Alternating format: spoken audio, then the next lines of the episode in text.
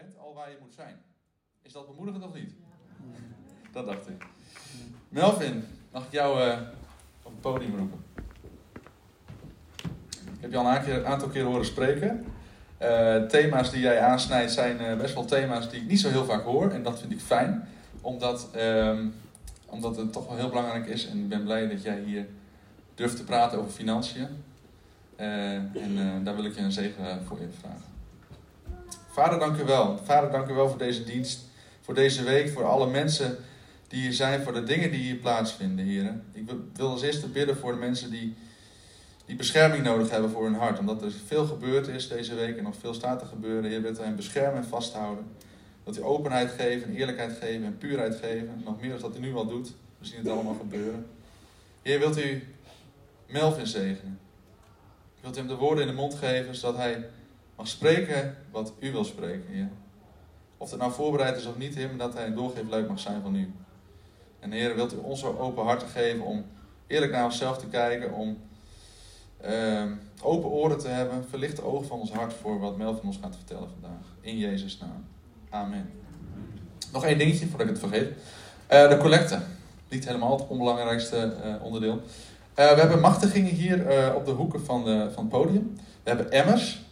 Als je wat wil geven, dan staat aan het eind van de rij een emmer. Die kan één of twee keer heen en weer. En dan ben je al bij de volgende emmer. Dus als je wat wil geven, dan is daar nu de mogelijkheid voor.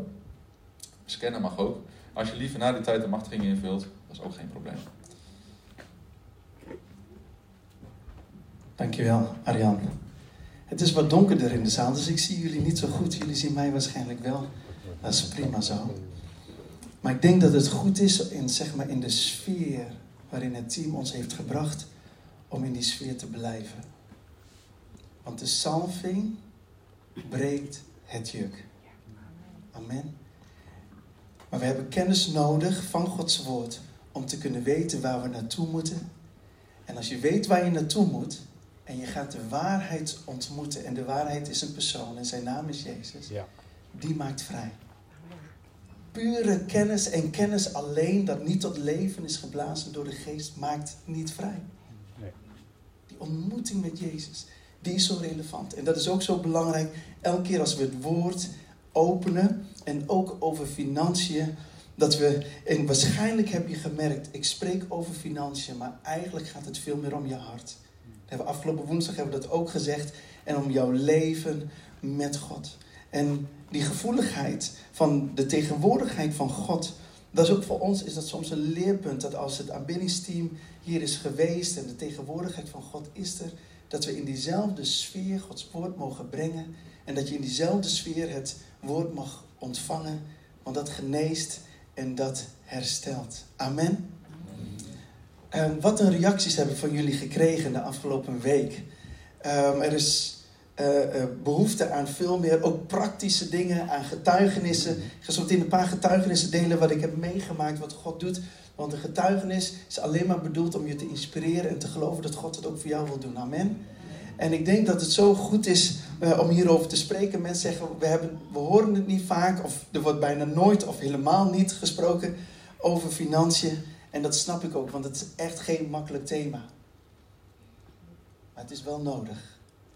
En waar ik het over wil hebben, is eerst even voordat ik naar het woord ga, wil ik uitleggen dat um, toen ik tot bekering kwam, begin 20, toen ben ik eh, naar Amerika geweest, naar een bijbelschool. Daar heb ik een jaar gezeten. Ik kwam toen terug.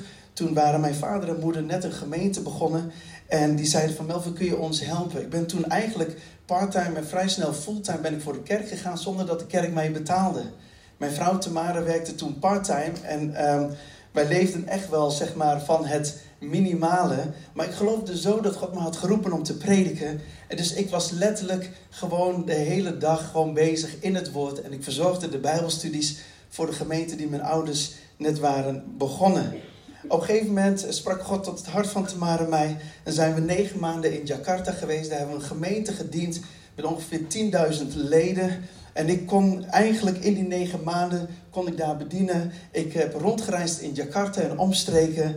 En daar predikte ik in het Engels. En werd ik vertaald naar het Indonesisch. Maar na zes maanden, toen durfde ik het aan om ook in het Indonesisch te prediken. En er zat er altijd iemand op de voorste rij die mij af en toe hielp als ik niet het Indonesische woord wist.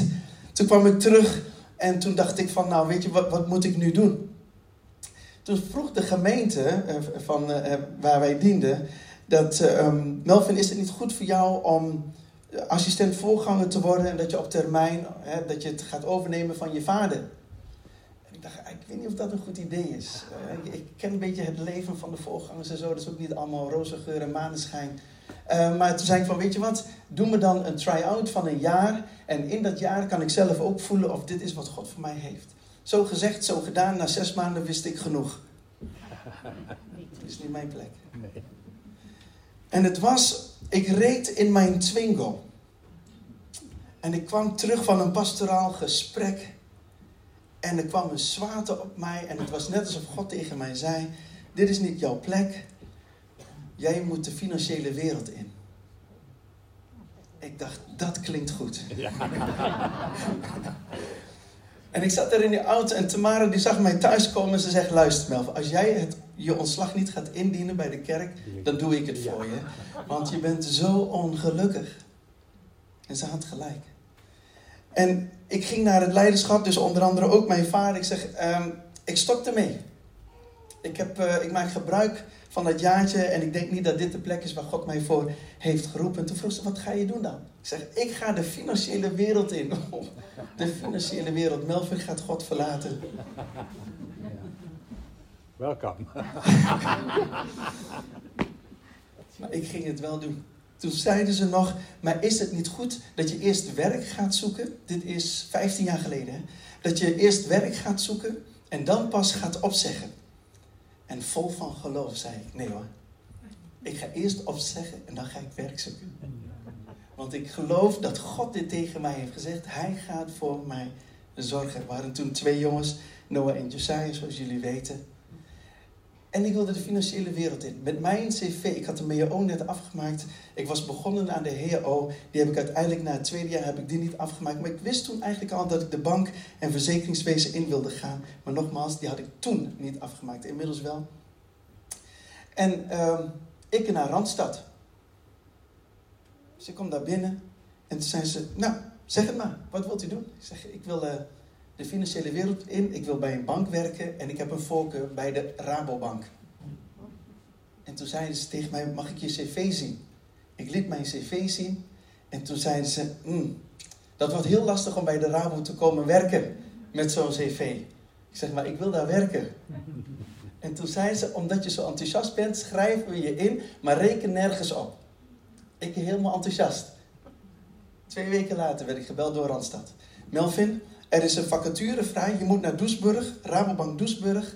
Er zijn drie kandidaten. Twee hebben hun HBO wel afgemaakt. En ze hebben al ervaring bij de Rabo. Maar omdat je zo enthousiast was, mag jij ook op gesprek. Ik was super enthousiast. Ik hoorde allemaal negatieve dingen, maar ik was super enthousiast. Super enthousiast, want als je met God gaat wandelen, hoor je altijd dingen die jou niet, dat niet past in jouw ratio. Ja. Maar ik had van God gehoord. En ik was super enthousiast. Dus ik daar naartoe. En in mijn voorbereiding liep ik elke keer in de woonkamer. Ik bedoel, ik had op dat moment toch geen baan. Van s morgens vroeg tot s avonds laat. In de naam van Jezus, een Rabobank ga open. Weet je, zo ging dat gewoon. Dat deed ik gewoon. Want ik geloofde wat God mij had gegeven.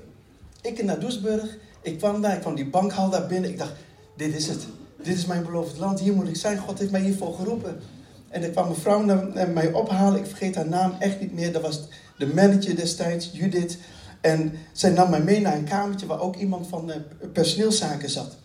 En ik zat daar en toen zei Judith tegen mij, Melvin, vertel eens wie jij bent.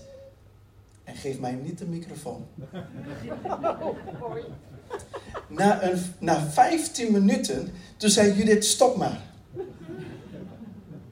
Dus ik dacht, oh, ik heb iets verkeerds gedaan, ik ben misschien te enthousiast. Toen zei ze, ik denk dat jij het moet worden. Dus toen dacht ik, oké, of ik heb het niet goed gehoord, of ze heeft iets niet goed gezegd, ik weet het niet. En zei die vrouw van personeelszaken die naast haar zat, die zei, Judith, maar hij is de eerste, er komen er nog twee aan. Die moeten we toch ook spreken? Oh ja, zegt Judith. Uh, Melvin, weet je wat? Ga maar naar huis, je hoort het wel. Dus ik kreeg de microfoon, ik sprak En ik kon naar huis. Ik het thuis en weer gewoon doorproclameren. In de naam van Jezus Rabobank. Ik denk ongeveer een week later. Randstad aan de telefoon. Melvin, ik weet niet wat je hebt gezegd. Ik weet niet wat je hebt gedaan. Ik weet echt niet hoe het je is gelukt. Maar je bent het geworden. Dus ik dacht, oh, zo cool. Amen, toch? Dus ik er daar naartoe. Want moet je horen. Ik er daar naartoe. Judith weer. Ik zeg, Judith, luister. Je moet me echt vertellen waarom ik het ben geworden. Nou, zegt ze, jij komt op een afdeling te werken die ongeveer over een jaar opgedoekt gaat worden.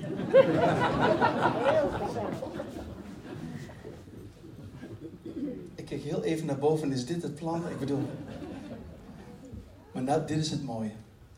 Ze zegt, omdat ze deze afdeling opgedoekt gaat worden. En er zijn dames, waren echt alleen maar dames. Hè? Er zijn dames die werken daar al ongeveer 30 jaar. Dat is lak particulieren, daar doen ze de administratieve afhandeling van hypotheken. En omdat dit, uh, deze afdeling wordt opgedoekt, verwachten wij nog best wel wat tranen op de afdeling. En aangezien jij voorganger bent geweest.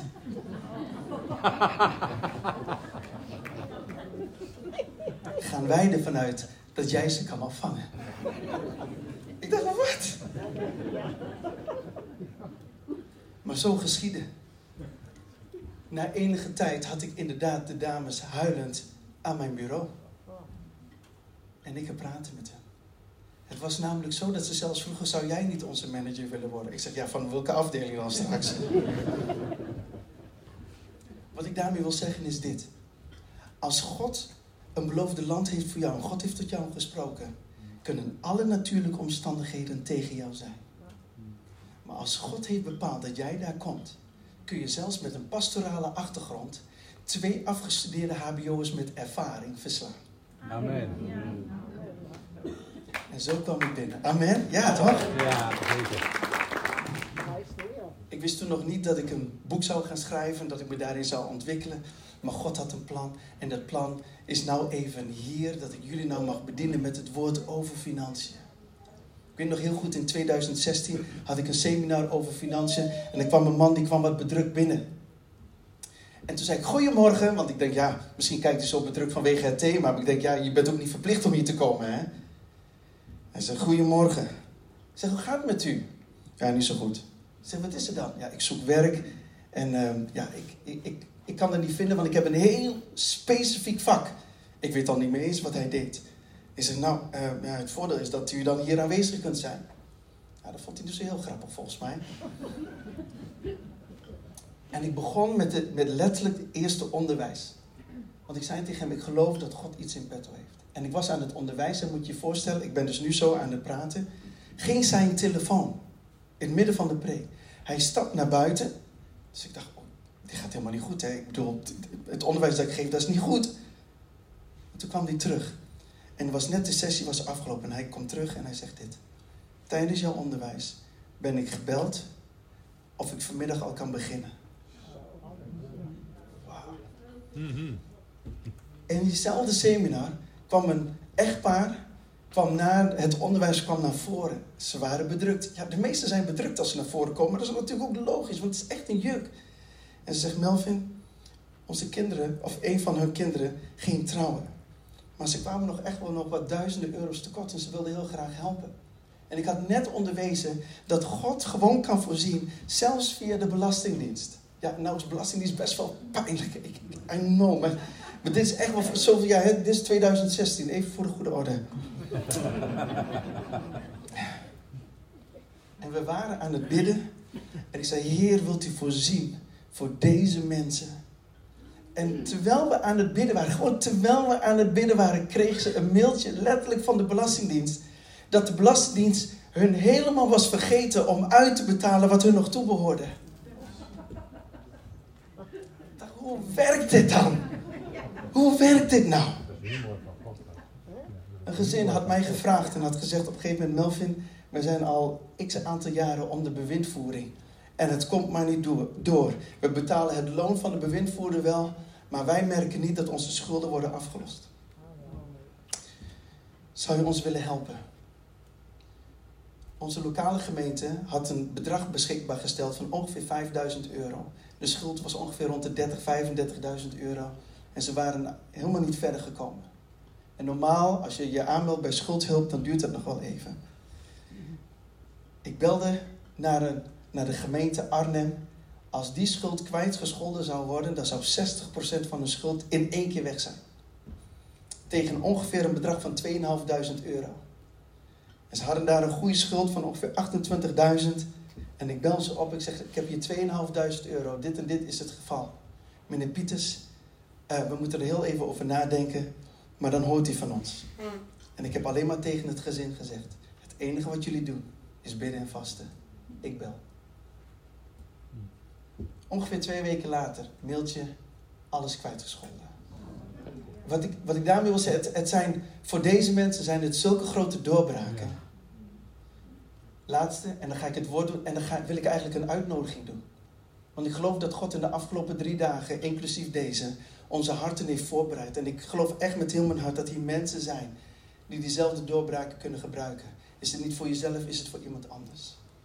Maar ik wil dat we ook een stap gaan zetten. Dat we niet alleen de theorie en de theologie en de openbaring ontvangen. Maar dat wat Sarah ook aangaf, dat we, dat we die stap gaan zetten. Dat ook de beweging van God onder ons, onder de volwassenen ingezet worden. Dat we financieel gezond worden. Dat we een duidelijk beeld krijgen van goddelijke rentmeesterschap in geloof. Onder leiding van Gods geest. Zonder gekke dingen te doen. Terwijl je tegelijk hele gekke dingen doet. Dat kan met God hè. Dat met God, God kan iets doen dat je denkt, ik doe niet gek. En toch is het gek. Ja, amen. Ja, ik zie jullie niet namelijk, dus moet je. En, en dat is het bijzondere aan God. Dat betekent dat degene die zeggen: Ja, maar ik ben niet zo gelovig, ah, dat maakt niet uit. Maar je kunt wel goed rentmeesterschap uitoefenen. Je doet een stap in geloof, geen gekke dingen. Net zoals David, die moest gewoon vanwege van, van zijn vader, moest hij gewoon zijn broers even gaan bezoeken. Het zijn geen gekke dingen. En hij deed ook geen gekke dingen, want hij ging hele dagen al met een slinger om. Was ook niet gek. Alleen nou raakte hij niet bij wijze van spreken in de buurt. En nou, een, een, een steen kwam vaak in de buurt van een schaap, zodat een schaap schrok en terugging naar de kudde. Maar nou zou die steen het voorhoofd van, David gaan, van Goliath gaan raken. Dus je hoeft niet altijd gekke dingen te doen om hele grote geloofstappen te zetten. Amen. En dat is zo cool aan God, want dan kunnen we er ook een, een, een, een beetje bij. Maar ik geloof daarin, lieve mensen. Mm Laatste, allerlaatste. Ik was bij mijn broertje thuis. En toen zei mijn schoonzus, Michael, dat is mijn broertje. Hij is voorganger in Winterswijk, samen met zijn vrouw. Hij zegt, geef het telefoonnummer maar aan Melvin. Ik zeg, telefoonnummer, wat voor telefoon? Ja, zegt hij, ik heb al een paar maanden een telefoonnummer van een eigenaar van een gebouw, een kerkgebouw. En uh, ja, die staat te kopen en, uh, ja, uh, en snap je? En, uh, en, uh, en die had al een paar maanden, maar hij zei, ik weet niet wat ik moet, en dan moet ik bellen, wat moet ik dan zeggen? Ik zeg, nou je kan in ieder geval beginnen met, hallo, ik ben Michel. Daar kun je mee beginnen. Maar dat is soms best eng om dat te doen, want het is een stap in geloof zo via zo'n telefoon, maar het is toch eng. Voelen jullie hem? Sommige dingen zijn heel erg eng, terwijl je denkt, hele dagen zit ze aan de telefoon en dan moet ze een ander belletje doen en in één keer weet ze niet wat ze moeten zeggen. Het is heel bijzonder hoe dat kan. Ja. Ik nam mijn telefoon en zeg, oké, ik ga ze bellen ga deze eigenaar bellen. Dat was toen op een zaterdag en maandagochtend was ik op het werk. Ik dacht, oké, ik heb nou het telefoonnummer, zal ik bellen? En het was net of God zei, nee, vandaag nog niet. Maar de volgende dag wel. Dus het was op een dinsdag, heel logisch, maandag, dinsdag. Dus dinsdag, ik bellen. En ik belde die man en die man die heet Bert. En ik vertelde zo van, goh, ik heb gehoord dat uw gebouw te koop staat in Winterswijk. Mooie plek, ja dat klopt. Ik zeg, ik wil komen kijken, want ik heb interesse in dat gebouw. Oh ja, dat is hartstikke mooi. En toen aan het eind van het gesprek zei hij dit tegen mij. Dit is zo geweldig. Hè? Hij zegt, maar weet je wel dat dit uh, niet, niet uh, goedkoop is? Ik, daar ga ik ook vanuit, want het is een heel mooi gebouw. Dus ik snap ook wel dat er niet... Ja, maar het is ook niet één ton of zo. Nee, maar ook niet twee. Ik nou, het zal dan wel meer zijn, of niet? Ja, ja, ja, maar, maar weet je dat? Ja, oké. Nou, afspraak gemaakt. Ik kom daar binnen. En uh, zo s'avonds. En we liepen door het gebouw. En ik liep dat gebouw binnen en toen dacht ik, ja, dit is hem. Dit is hem. En hij ging mij helemaal rondleiden. Het zag er hartstikke goed uit. Het heeft ook een hele kerkelijke uitstraling. Um, voor degenen die Windswijk kennen, tegenover de Eucalypta is dat. En het heeft een hele mooie kerkelijke uitstraling. Staat nu ook op de monumentenlijst. En ik dacht, ja, ja dit gaat echt wel wat kosten. En op een gegeven moment zeg ik, nou Bert, hoeveel kost uh, dit gebouw? Hij zegt uh, 550.000 euro. Ik dacht, ja, daar heb ik net niet bij me. Maar ik dacht, cool. En ik moest met het leiderschap spreken en ik zeg tegen hem, ik zeg, ik kom erop terug. Ik belde het leiderschap op, ik zeg, luister, het gebouw kost iets meer dan een half miljoen. Maar dit is wat God heeft gegeven. Wat moeten wij doen? Bidden. Dat is alles. Dan ga ik praten met die man. Ik ben met die man in gesprek gegaan.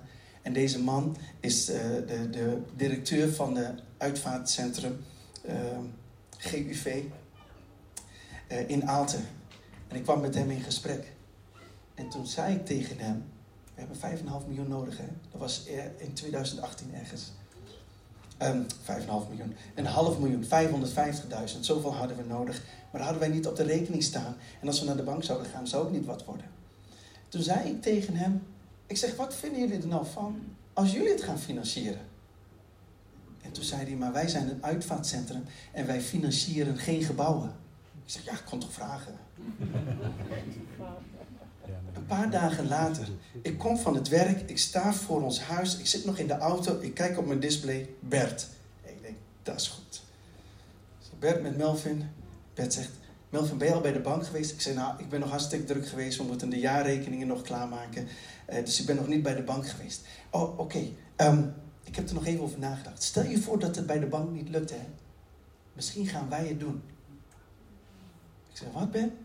Ja, misschien gaan wij het doen. Ik zeg, oh, ik bel wel eerst even met de bank hoor. Je moet wel een beetje cool doen, toch? Of niet? Gewoon een beetje cool doen. Dat je denkt, ah oh, nee, maakt niet uit, joh. Ik bedoel, als jullie het niet doen. Ondertussen zit je echt zo. Op een gegeven moment zijn we gaan zitten. Lang verhaal kort. Hebben zij de verstrekking gedaan. We, zijn er, we zitten nu in het pand. Mijn broertje, die, die, dat is zijn tweede huis geworden. Hij, hij komt bijna niet meer thuis, want hij, hij geniet van dat gebouw. Wat wil ik zeggen? Dat wat God voor jou heeft, welke financiële uitdagingen er ook zijn, als je het probeert te redeneren met je, met je hoofd, kom je er niet uit. Ga je stappen in geloof zetten, dan ga je zien hoe God kan werken op dat gebied. Dit zijn kleine getuigenissen die God heeft. Ik weet niet eens of kleine getuigenissen bestaan trouwens. Maar zodra God het heeft gedaan, weet je, dan moeten we hem bekendmaken dat dit is niet alleen theorie. Dit is echt de praktijk. Zoals voor dat gebouw was het net alsof de Schelzee openspleet. Um, ik ga heel even versnellen nu, dus je hoeft er niet op te zoeken. Maar in Lucas hoofdstuk 8, daar vertelt Jezus over de gelijkenis van de saaier. En dan een, een, een, stukje komt als het ware naast de akker. Even gewoon in mijn eigen woorden. Sommigen die, die vallen wel goed, maar goed, die raken al heel snel een stukje steen. Gaat de zon, die gaat schijnen. En dan, ze, ze redden het niet. En wat Jezus op een gegeven moment zegt in Lucas 8 dat, dat zaad wat viel tussen de dorens en de distels, de gelijkenis daarvan is dat zijn zorgen, rijkdom en lusten des levens. Nou, financiën kan echt een bron zijn van zorgen. En dan staat er letterlijk dat deze drie zorgen, rijkdom en lusten des levens zijn in staat om het zaad, oftewel het woord van God, te verstikken zodat het geen vrucht draagt. Dat vind ik heel bijzonder, want ik dacht dat God breekt dwars door alles heen. Gods woord is zo sterk en zo krachtig, die breekt dwars door alles heen. En dat is nog steeds een waarheid. Dat blijft staan. Alleen in deze gelijkenis zegt de zaaier dat dit zaad kan stikken. Hoe, hoe, zie je dat en ervaar je dat in de praktijk? Dat kan zo zijn dat je naar de gemeente gaat en dat het woord van God komt. En terwijl ik hier aan het prediken ben, dat je misschien aan hele andere dingen denkt. Dat het zaad maar niet binnen kan komen. Het, het, die openbaring die God wil geven, die lijkt maar niet door te breken in je gedachten. Lijkt maar niet door te breken in je hart. En je hoort het wel en je zegt wel amen, omdat je je buurman amen hoorde zeggen. En je schrikt even wakker. Oh ja, amen. Weet je wel, en zo net werd er gevraagd om onze handen eventueel in de lucht te doen of te gaan knielen. En, en, dat, is, en dat is goed, die aanmoediging is goed. Maar soms doen we het omdat het, het meerdere het doet. Maar omdat onze hart vol is met zorg, is onze zorg alleen maar bezig om de waarheid van God buiten boord te houden, zodat het niet tot vrucht kan komen en het verstikt in ons leven. Ja. Daardoor kunnen zorgen een dodend karakter hebben. Het doodt de roeping. Kijk, als ik alleen maar naar Randstad aan het luisteren was van jij kan niet bij de Rabo komen werken en ik had dat geloofd, had het datgene wat God in mij had geplaatst, had hij gedood. Als we kijken naar het leven van Jezus toen hij nog klein was, net geboren was, werden de jongetjes in die regio werden gedood. Dat zie je ook bij Mozes gebeuren. Mozes niet anders dan een profetisch beeld van de bevrijde Jezus die zou komen. Wat wil ik daarmee zeggen? De boze probeert alles wat klein is, wat nog babyachtig is, wat nog niet sterk en krachtig is, probeert hij te doden. Daarom zie je tegelijk dat als het gaat om een dreamkiller, dat hij heel snel al op het toneel komt. Je hebt een idee, oh nee, kan toch niet. Want hij moet ervoor zorgen dat je niet denkt: ik heb een idee en het idee wordt sterker en sterker en sterker en nou wordt het manifest in de natuurlijke. De boze moet ervoor zorgen dat je nooit die kans krijgt. Daarom moet hij babytjes doden en geen volwassenen. Ja. Snappen jullie het beeld? Oké, en, en goed zaad hoeft nooit tot vrucht te komen als het niet in de juiste omgeving is. Als je een goed zaad hebt en je legt het ergens om een stoeptegel, komt het echt nooit, nooit en nooit tot vrucht. Dat zegt niets over het zaad, want dat is het woord van God. Maar dat we ons gaan positioneren, zodat de Heilige Geest in en door ons heen kan werken. Als je het woord zorgen gaat opzoeken in, deze, uh, in, in Lucas hoofdstuk 8. Dat Griekse woord zorgen betekent merimna. En merimna, de definitie daarvan, betekent eigenlijk van binnenuit verscheurd zijn. Dus het woord zorgen is in het Grieks merimna en draagt de betekenis van binnenuit verscheurd zijn. Als je soms luistert hoe mensen die zorgen hebben, hoe ze praten, is hartverscheurend. Voel je Soms is het gewoon, als je naar jezelf kijkt, in datgene waar je doorheen gaat, de diepe dalen, is hartverscheurend. Maar dat is wat zorgen doen. Weten jullie dat Peter zegt, werpt al uw bekommernis op hem? Ja? Petrus zegt dus, werp al uw bekommernis op hem. Het woord bekommernis is hetzelfde Griekse woord als zorgen, oftewel merimna. Dus eigenlijk zegt Jezus dit. Petrus onderwijst ons dat. Alles wat jouw hart van binnenuit verscheurt, leg dat op hem. Leg dat op hem. Ja, Melf, weet je wel waar ik doorheen ga? Nee, maar ik ben ook van vlees en bloed, dus ik weet wel in welke wereld we leven. Dat snap ik wel. Maar dat is wat Peter zegt, wat, wat op dit moment jouw hart verscheurt. Het zijn zorgen vanwege financiële problemen of vanwege relationele problemen, fysieke problemen, wat het ook maar is. Maar als het je hart van binnenuit verscheurt, dan zegt Petrus, leg dat op Jezus. Als we even kijken naar de dorens en distels. Weet je, toen Adam en Eva hadden gezondigd, toen had God de aardbodem vervloekt, waardoor er dorens en distels uit de aardbodem kwamen. En in het zweet des aanschijns moesten ze eigenlijk gaan werken. Dus God zegt eigenlijk, als je nu voor je eigen brood gaat zorgen, dan ga je zweten. Ja. Met andere woorden, toen, voor de zondeval hoefden zij niet te zweten. Weten jullie dat de priesters in het Oude Testament niet mochten zweten? Klopt hè? Ja. En waarom mochten ze niet zweten? Omdat zweet is een product van het vlees. En het zijn niet de werken van deze priesters, de vleeselijke priesters, maar het is het werk van de hoge priester die het werk heeft volbracht aan het kruis op Golgotha. En daardoor hoefden wij niet meer te zweten, oftewel het zijn niet onze werken, maar het is zijn werk. Amen. Heel duidelijk. Bedoel je Melvin dat we helemaal niks meer hoeven te doen? Nee, maar wat ik probeer te zeggen is dat als we met de Heilige Geest gaan wandelen, dat je soms, dan is het soms best wel spannend. Maar ergens hoor ik steeds dat de Geest tegen me zegt: Melv, niet zweten. Niet zweten, ik ga dit doen. Joshua, zie je schelsteek? Ja, oké, niet zweten, alleen je voet zo even neerzetten. Zet je voet maar neer. Lukt dat? Ja, ja, oké, niet, te, niet te snel, anders zweet je. Oké? Zie je de muren van Jericho? Ja, oké. Wandelen, niet te hard wandelen, gewoon rustig gaan, niet zweten. Want al dat zweten, die bloeddruppels van Jezus hebben al gevloed voor ons. Ja.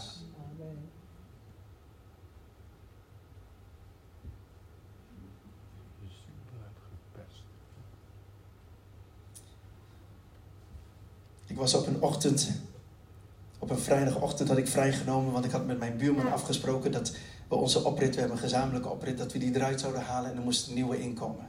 En moet je voorstellen, ik werk jaren op kantoor en ik moet met die stenen gaan sjouwen. En mijn, mijn uh, buurman, die komt eigenlijk van de boer, dus die heeft echt twee keer grotere handen dan ik en tien keer sterker en dat soort dingen. Maar ja, ik wou me, niet, uh, ik wou me dan niet laten kennen, dus ik ook met die kruiwagens en dat soort dingen. Maar mannen zeg, daar ben je best druk mee. En op een gegeven moment zaten we in de tuin en toen waren we aan het praten. En hoe we erop komen, weet ik niet. Maar hij zit in de agrarische sector en hij geeft boeren adviezen over wat voor een bestrijdingsmiddelen ze voor gewassen kunnen gebruiken. En hij zei zo vanuit het niets, toen zei hij dit tegen mij. Weet je Melvin dat een zaad zijn kiemkracht kan verliezen?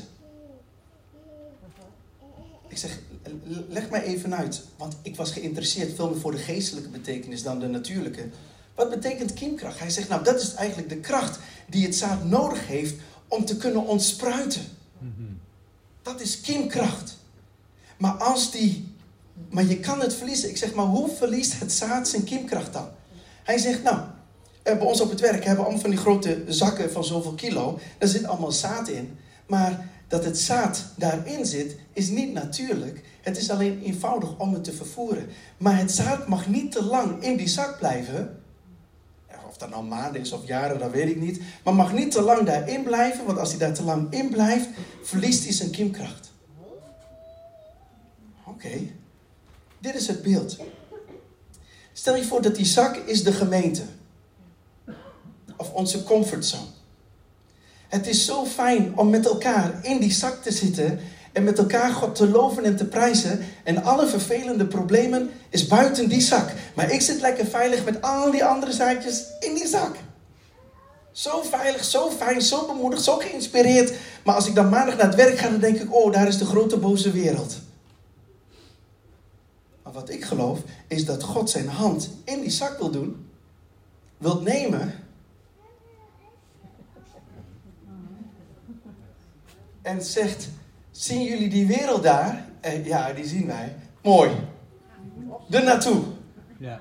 En boem, we gaan zo door de lucht. Net zoals die steen van David. Maar dat willen we niet. En wat doet dan eigenlijk de boze rondom die zak? Die zegt: Melvin, als jij naar Randstad gaat, Randstad gaat jou vertellen dat jij daar nooit kan werken. Melvin, als jij de gemeente Arnhem gaat bellen, die gaat zeggen van nee, daar gaan wij niet kwijtschelden. Als jij voor deze mensen gaat, bellen, uh, gaat bidden, dan, dan, dan gaan zij zeggen: gebed helpt niet. En zo probeert de boze om die staarzak, proberen ze alle zaadjes, alle potentie van roeping, gaven, talenten, maakt niet uit. Probeert die in die zak te houden, want zolang, zolang het zaad op zichzelf blijft, heeft het nog geen waarde. Kunnen jullie mij volgen? Ja, nogal. Maar volgens mij is het vandaag tijd dat we met elkaar een besluit gaan nemen. Zeggen, Heer, wilt u mij grijpen, diep in mijn hart. Haal mij eruit. En werp mij op de plek waar ik 30, 60, ja honderdvoudig vrucht kan dragen. Maar misschien moeten we met z'n allen zeggen: Herstel mijn hart dat van binnenuit is verscheurd. Daar waar uw, uw woord zo tot mij wilde spreken, Waarin ik gewoon willens en wetens heb gezegd: nee, Heer. Want dit is wel wat uw woord zegt, maar ik ervaar het niet in mijn leven. Daardoor zal het waarschijnlijk wel niet kloppen. Oh, lieve mensen, mag ik één ding zeggen? Ik zie nog zoveel dingen in mijn leven die nog niet in lijn zijn met Gods woord. Sommige wonderen en tekenen heb ik nog nooit gezien. En soms predik ik dingen wat nog niet in mijn leven is gebeurd. Maar dat betekent niet dat ik de standaard van God moet verlagen omdat het nog niet is gebeurd. Gods woord is de waarheid. Ja. En dat blijft de waarheid. Wat ik ook zie in mijn leven. En ik blijf prediken. Want als Jezus terug zou komen en er zou stiekem daar rechts achter in de hoek zitten. Dan ben ik benieuwd wat hij dan tegen mij zou zeggen. Maar dan hoop ik dat hij zegt, Melf luister. Ook al had je die wonderen en tekenen nog nooit gezien. Maar wat je hebt gepredikt, dat is wie ik ben. Ja. En ik wil niet dat de duivel zoveel grip krijgt op mij. Dat ik op een gegeven moment niet meer datgene durf te prediken wat God mij heeft gegeven. Mocht je het boek van uh, Wilking hebben gelezen, Het Wonder van het Kruis, daar legt Wilking ook heel duidelijk uit dat de doornenkroon staat voor bevrijding. Dus het zaad was gevallen in de doornen en in de distels. Doornen en distels als een resultaat van ongehoorzaamheid. Maar die ongehoorzaamheid heeft de Heer Jezus als het ware op zijn hoofd genomen en heeft de doornenkroon opgezet, zodat mijn ongehoorzaamheid werd, werd uh, weggewassen door het werk van Jezus Christus aan het kruis, zodat ik weer in gehoorzaamheid kan wandelen en de zegen van God weer in mijn leven mag gaan ervaren. En die doornen van binnenuit verscheurd, die doornen, die zorgen, hebben mij van binnenuit verscheurd. Maar door de, de doornenkroon van Jezus op mijn hart te plaatsen, dan komt die genezende en die bevrijdende kracht van God komt daardoor vrij. En dat is wat ik wil. En op elk gebied, niet alleen financiën. Financiën is alleen maar een onderdeel. Op alle gebieden. En lieve papa's en mama's en opa's en oma's. Als we horen dat onze jeugd ervoor gaat. Wij zijn nog steeds hun voorbeeld, of je nou wil of niet. Wij zijn hun voorbeeld. Ik weet nog toen ik jong was, moet je mij horen, toen ik jong was. Maar dan zat ik hiervoor ook gewoon te springen en te doen. En er werd wel eens tegen mij gezegd, als je wat ouder bent, ben ik benieuwd of je dat nog steeds doet.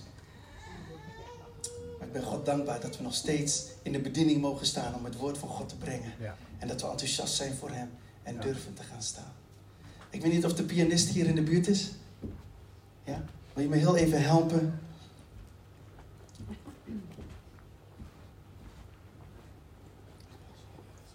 Ik hoop dat in de afgelopen twee dagen en deze ochtend. Dat je wat hebt geleerd. Dat de Heilige Geest tot je heeft gesproken. Maar ik wil vandaag ook gewoon de daad bij het woord voegen. En ga ik zo meteen een oproep doen. Ik weet niet of dat gewoon is, dat weet ik niet. Maar ik, ik ga zo meteen een oproep doen. En ga ik ook gewoon aan ons, aan de ouderen vragen. Kom en stap naar voren als je je herkent in bepaalde uitdagingen. En niet meer in de, in de gedachte en in de schaamte van ja, maar als ik naar voren ga, dan weten zij dat ik. Stop. Gewoon stoppen daar. Het gaat niet meer om wat de mensen van jou denken en van jou vinden. Waar het om gaat, is dat we zeggen: deze week, Heilige Geest, heeft u kunnen gebruiken om mijn hart aan te raken. En ik wil een start maken. En waar begint die start? Die start begint bij een bekering. Ja, maar, maar ik heb helemaal niks fout gedaan. Ik zeg, maar dat is niet wat ik zeg. Het begint bij opnieuw te gaan beseffen dat Heer, bij u is alles mogelijk. En ik heb zo vaak de zorgen van mijn hart, heb ik zo vaak bij mezelf gehouden. Maar Heilige Geest, als ik net even iets meer met u wandel. Als ik net even iets meer uw binnenkamer, mijn binnenkamer inga om uw stem te kunnen verstaan. Leer mij om als het ware zonder zweet te doen wat u van mij vraagt.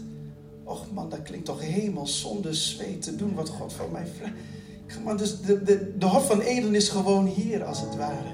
In ons hart. Zullen we samen gaan staan? Zullen we samen gaan staan? En ik, ik, ik draai al een tijdje mee, hè. En ik kan me heel goed voorstellen dat je denkt, oh Melf, echt waar, voor iedereen, maar niet voor mij. Ik blijf mooi hier op bij mijn stoel. Ik snap dat. Maar ik doe toch een uitnodiging, kom. Wat ga je doen dan, Melf?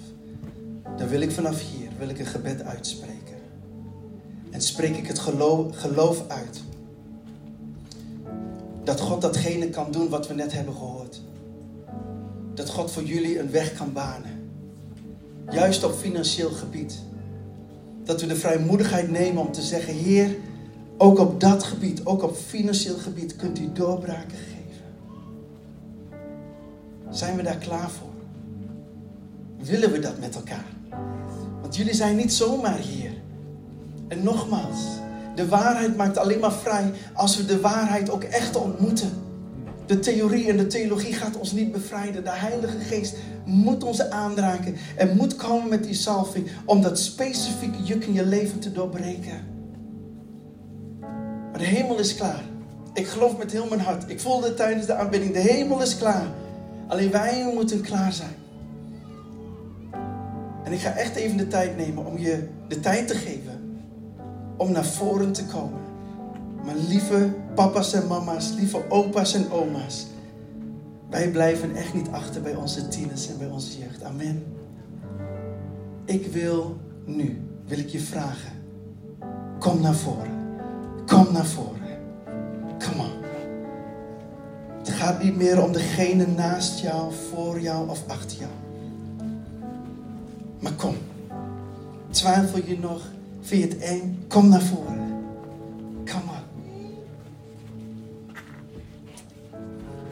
Zijn vast nog wel een paar mensen. En ik wacht gewoon bewust. Want soms kost het even. Maak een beetje ruimte hiervoor. Hartstikke goed. Come on. Zijn er nog meer mensen? Misschien is het voor je naaste of dat je je laat vullen en gelooft dat God je kan gebruiken in de komende dagen en weken. Come on. Sarah, wil je voorgaan even met een nummer voordat, we, voordat ik ga bidden? Als Sarah gaat zingen, heb je nog de tijd om naar voren te komen.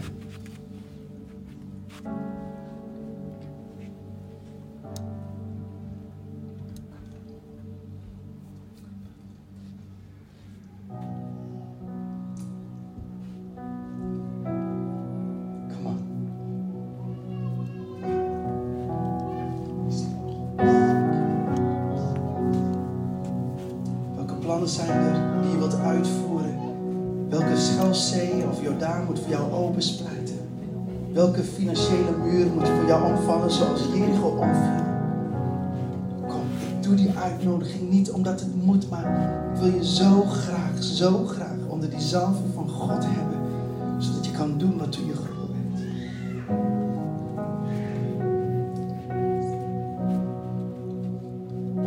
It was my cross you bore, so I could live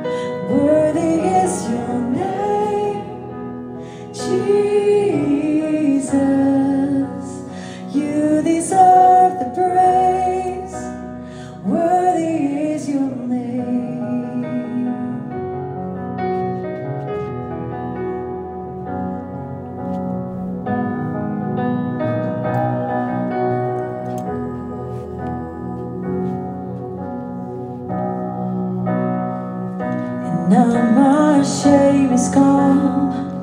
I stand amazed.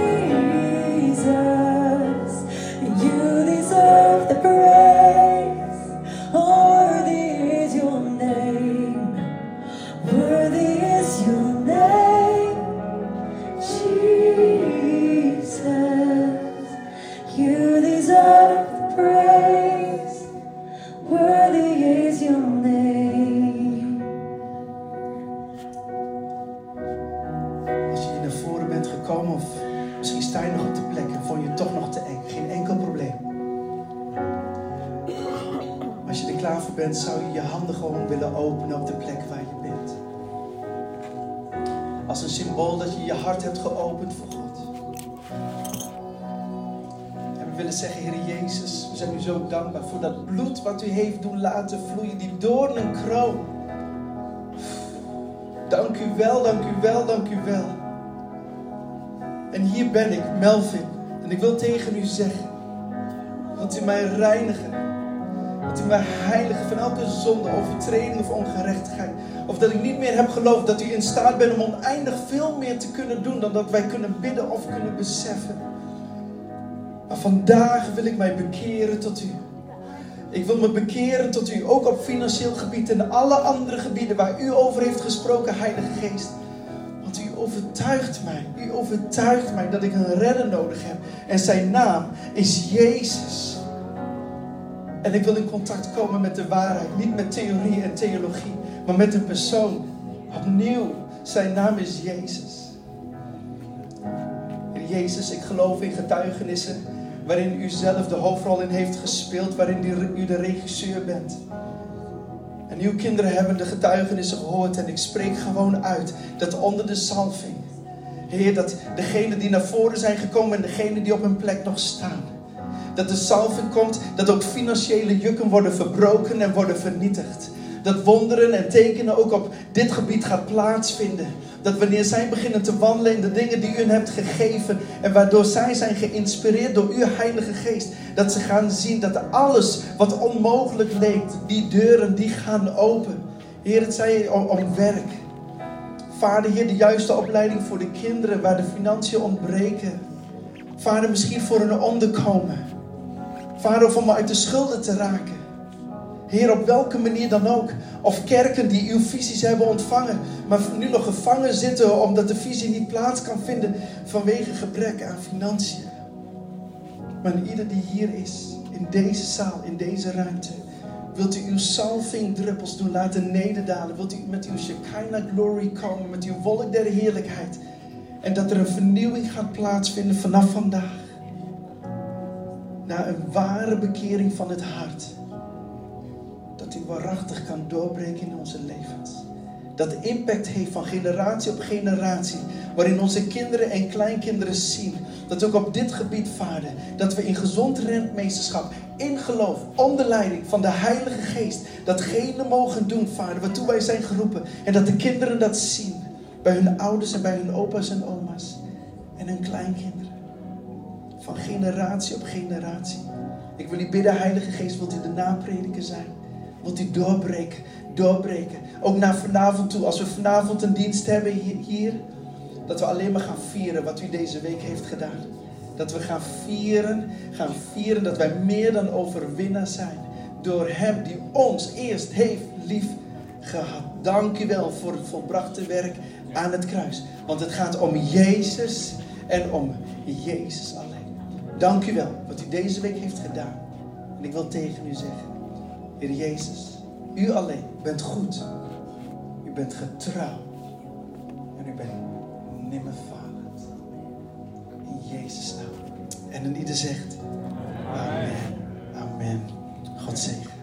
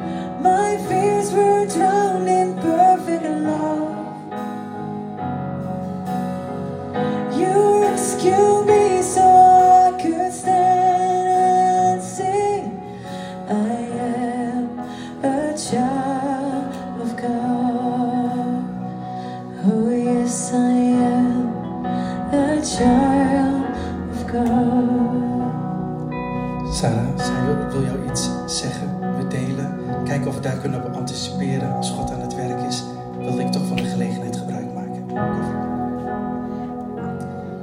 Ehm, ik ben Ilke. Ehm, ik heb de hele dienst eh, eigenlijk tranen gehad van... Ja, God raakt me echt aan. Eh, ik ben, zolang als ik me herinner, een kind van God. Ik heb eh, altijd in de zorg gewerkt eh, dat vorig jaar op de Battled is het in mijn rug geschoten. Ik heb het hele jaar geworsteld daarmee. Ik ga niet meer terug in de zorg. Ik ben op zoek naar wat anders. En God heeft hele mooie, gave dingen voor mij. Verlangens in mijn hart gelegd om hem, zijn naam te verkondigen, te evangeliseren. Deze woensdag en vandaag de Goliath, het zaad in de zak. Het heeft me echt zo ontzettend geraakt. Wat hier gebeurt, de kracht van God. Ik ervaar. Heeft alleen maar tranen. Met zijn tranen van vreugde, van liefde, van, eh, van zijn goedheid voor ons. één voor één.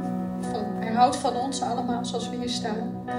Ik heb de hele dienst het lied op mijn hart. Het gaat toch om u, het gaat toch om u, Jezus. En ik kan het niet loslaten. Ik heb het gevoel dat ik het moet delen. Dus dat is eigenlijk met een klein beetje een persoonlijk stukje van mezelf. Wat ik eh, wilde delen. De muziek vervaagt, langzaam wordt het stil, dan kom ik bij u. Met mijn grootste